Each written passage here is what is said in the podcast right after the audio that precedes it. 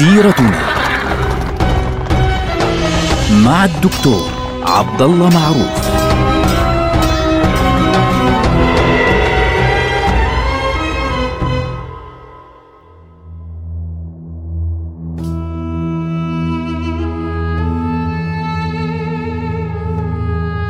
السلام عليكم ورحمة الله وبركاته. سيرتنا سيرة هذه الأمة التي بدأناها مع سيرة رسول الله صلى الله عليه وسلم. عاد النبي صلى الله عليه وسلم ونحن معه الآن بعد فتح مكة المظفر العظيم. بعد هذا الفتح الكبير فعليا وبعد انتهاء غزوة حنين وغزوة الطائف وتوزيع الغنائم في الجعرانة انتهى الأمر فعليا. خلاص الجزيرة العربية أصبح كل إسلامها يعني الإسلام انتشاره في كل الجزيرة أصبح مسألة وقت. والنبي صلى الله عليه وسلم لأجل ذلك تفرغ تماما للمرحلة القادمة. إيش المرحلة القادمة فعليا؟ المرحلة القادمة التي بدأ النبي صلى الله عليه وسلم يجهز لها منذ ما بعد آه، غزوة الأحزاب فعليا عندما أطلق أول سرية باتجاه الشمال الغربي اللي هي سرية حسمة. كان النبي صلى الله عليه وسلم يجهز لمرحلة بيت المقدس الشام وبيت المقدس. هذه كانت الخطوة التالية.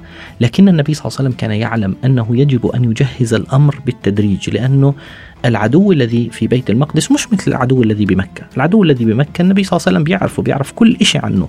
مكة فيها قريش كانت في ذلك الوقت قبل أن تسلم وقبل أن يدخلها الإسلام. لكن هناك في في الشام كان الأمر مختلفا.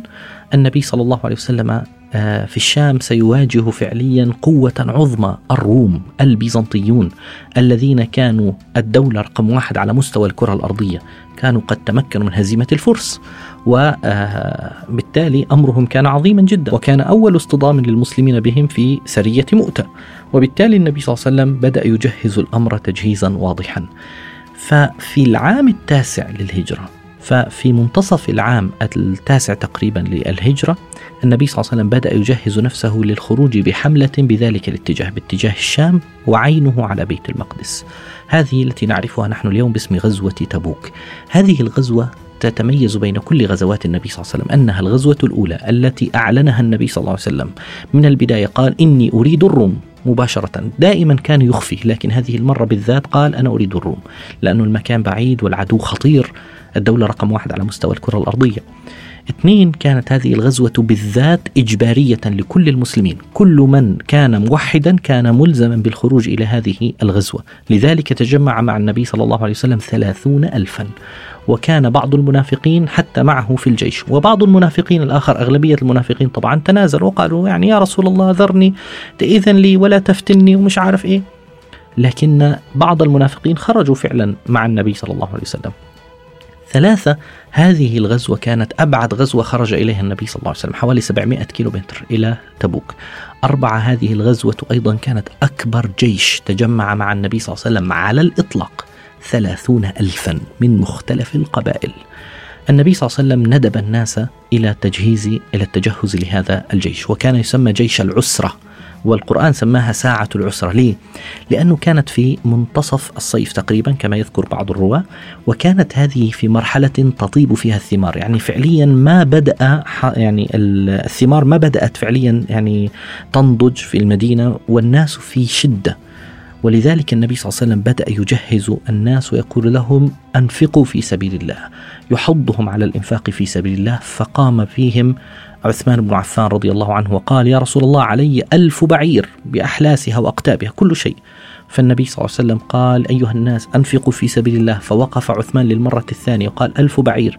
ثم قال ألف بعير. وأعطى للنبي صلى الله عليه وسلم آه بنفسه أعطى عشرة ألاف دينار ووضعها أمام النبي صلى الله عليه وسلم. فقال رسول الله صلى الله عليه وسلم وهو يقلب هذا المال ما ضر عثمان ما فعل بعد اليوم. عثمان خلاص انتهى. عثمان في الجنة انتهى الأمر. وأما عمر بن الخطاب رضي الله عنه فقال هذه الفرصة التي تجعلني يعني خلاص آه، آه، يعني أسبق أبا بكر رضي الله عنه. فلذلك يقول جئت بكل مالي وقسمته نصفين. فكان يعني عنده مال في هذه المرحلة فأخذ نصف ماله إلى النبي صلى الله عليه وسلم. فلما دخل على النبي صلى الله عليه وسلم وجد آه، أبا بكر رضي الله عنه يحمل بعض المال كان يعني معه مال أقل من عمر فكان عمر يعني انبسط. أخيرا سبقت أبا بكر جبت له مال أكثر للنبي صلى الله عليه وسلم. فالنبي صلى الله عليه وسلم لما رأى المشهد فهم مباشرة ما الذي يدور في ذهن عمر. فقال ما أبقيت لأهلك يا عمر؟ فقال أبقيت لهم نصف مالي يا رسول الله. فالنبي صلى الله عليه وسلم قال لأبي بكر ما أبقيت لأهلك يا أبا بكر؟ فقال أبو بكر أبقيت لهم الله ورسوله. فعمر نظر أنه أبو بكر كل ماله أتى به إلى الرسول صلى الله عليه وسلم. فقال عمر والله لا أسبقك بعد اليوم أنا لا أستطيع خلاص لهون لا أستطيع. وبدأت نوادر الحب والتفاني من الصحابة. بعضهم يأتون إلى النبي صلى الله عليه وسلم من الفقراء يقولون يا رسول الله احملنا معك. فلا يقول ما معي ما أحملكم به. أنا آسف. يعني الفقر لا نستطيع يعني. فيخرجون من عند النبي صلى الله عليه وسلم وهم يبكون. وينزل القرآن بعد ذلك ليتكلم عنهم. هؤلاء الذين يخرجون من عند النبي صلى الله عليه وسلم وهم يبكون فعليا. حزنا وأسفا على أنهم لا يستطيعون أن يخرجوا. بعضهم فعليا حملوا بعد ذلك على بعير واحد وخرجوا. فخرج النبي صلى الله عليه وسلم بعد أن ترك في المدينة علي بن أبي طالب رضي الله عنه وأرضاه. فبعض المنافقين الذين ظلوا في المدينة على ادعاء عن أنهم من أهل الأعذار صاروا يقولون آه والله ما خلف محمد عليا إلا لأنه كرهه. فعلي ضاق بهم وخرج إلى النبي صلى الله عليه وسلم، فالنبي صلى الله عليه وسلم قال له: ما جاء بك يا علي في الطريق؟ فقال يا رسول الله يقولون كذا وكذا إنك خلفتني كراهة بي فالنبي صلى الله عليه وسلم قال له عد إلى المدينة يا علي ألا ترضى أن تكون مني بمنزلة هارون من موسى إلا أنه لا نبي بعدي. هذا إكرام لعلي رضي الله عنه وأرضاه. وتحرك النبي صلى الله عليه وسلم إلى تبوك. لاحظوا النبي صلى الله عليه وسلم في هذه المرحلة لم يكن عنده أي سبب يعني محدد للخروج إلى تبوك. ما في؟ آه هذا الأمر جعل أصحاب السيرة يعني كتاب السيرة يستغربون من الأمر. فحاولوا أن يجدوا يعني سببا مباشرا لتبوك. فبعضهم يعني ابن كثير على سبيل المثال صار يقول إنه تبوك جاءت تعويضا للمسلمين عن آه، أسواق العرب في آه، في الجاهلية التي كانت تأتي فبالتالي عوضهم الله قتال أهل الكتاب. أحترم هذا الرأي طبعا ولا اقبله ابدا. آه، الشيخ صفي الرحمن المبارك فوري في الرحيق المختوم ماذا يقول؟ يقول إنه كان هناك تهديد مباشر من الحارث بن عمرو الغساني على المدينة المنورة واستدل في ذلك بقصة عمر بن الخطاب رضي الله عنه عند إيلاء النبي صلى الله عليه وسلم من نسائه. عندما حققت أنا الموضوع وجدت أن هذه الحادثة حادثة إيلاء النبي صلى الله عليه وسلم من من زوجاته يعني تركهن شهرا تقريبا حدثت على الأرجح بعد غزوة تبوك وليس قبل تبوك. وبالتالي لا يوجد سبب مباشر. نحن نريد أن نجد السبب المباشر. قلت لكم إن النبي صلى الله عليه وسلم كان يجهز لفتح بيت المقدس لاحقا. انظروا ماذا يفعل في الطريق. كان النبي صلى الله عليه وسلم وهو في الطريق كلما نزل في ليلة يعني كل يوم ينزل في مكان يبني فيه مسجدا. ويتحرك ثم يبني مسجدا ويتحرك ثم يبني مسجدا. عشرين يوم بعشرين مسجد. كأنها محطات استراحة.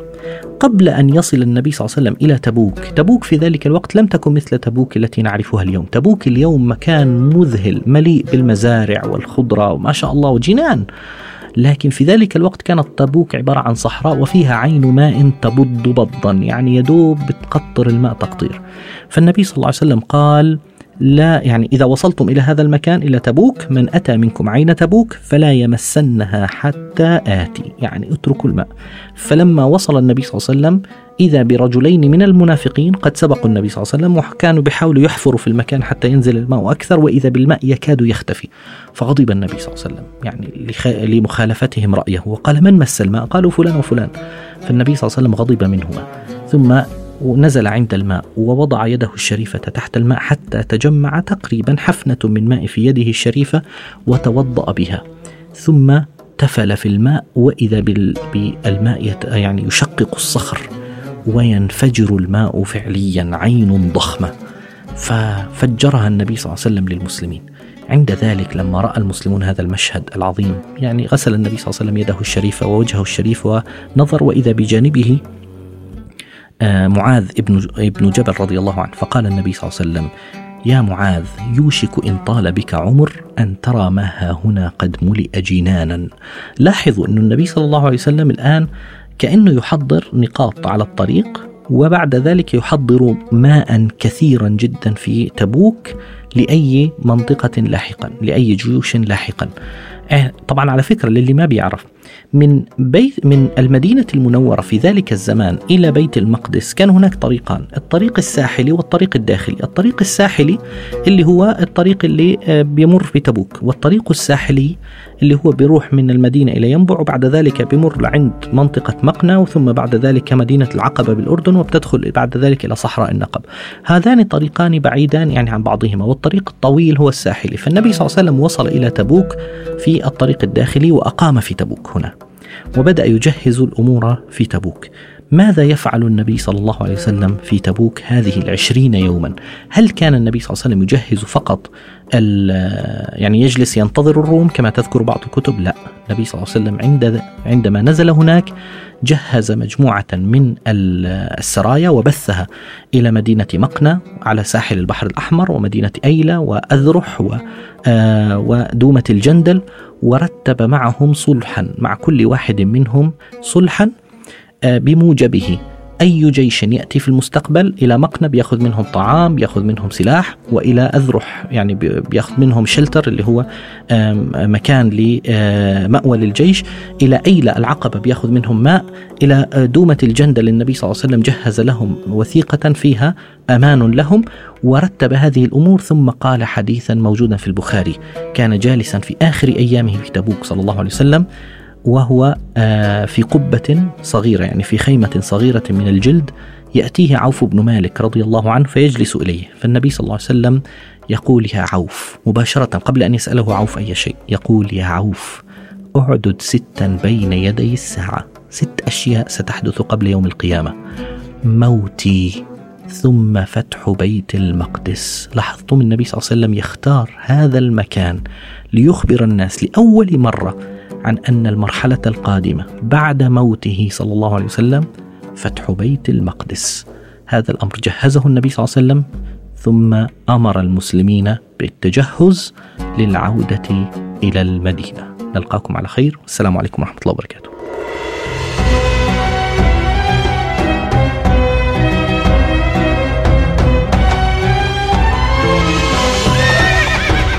سيرتنا. مع الدكتور عبد الله معروف.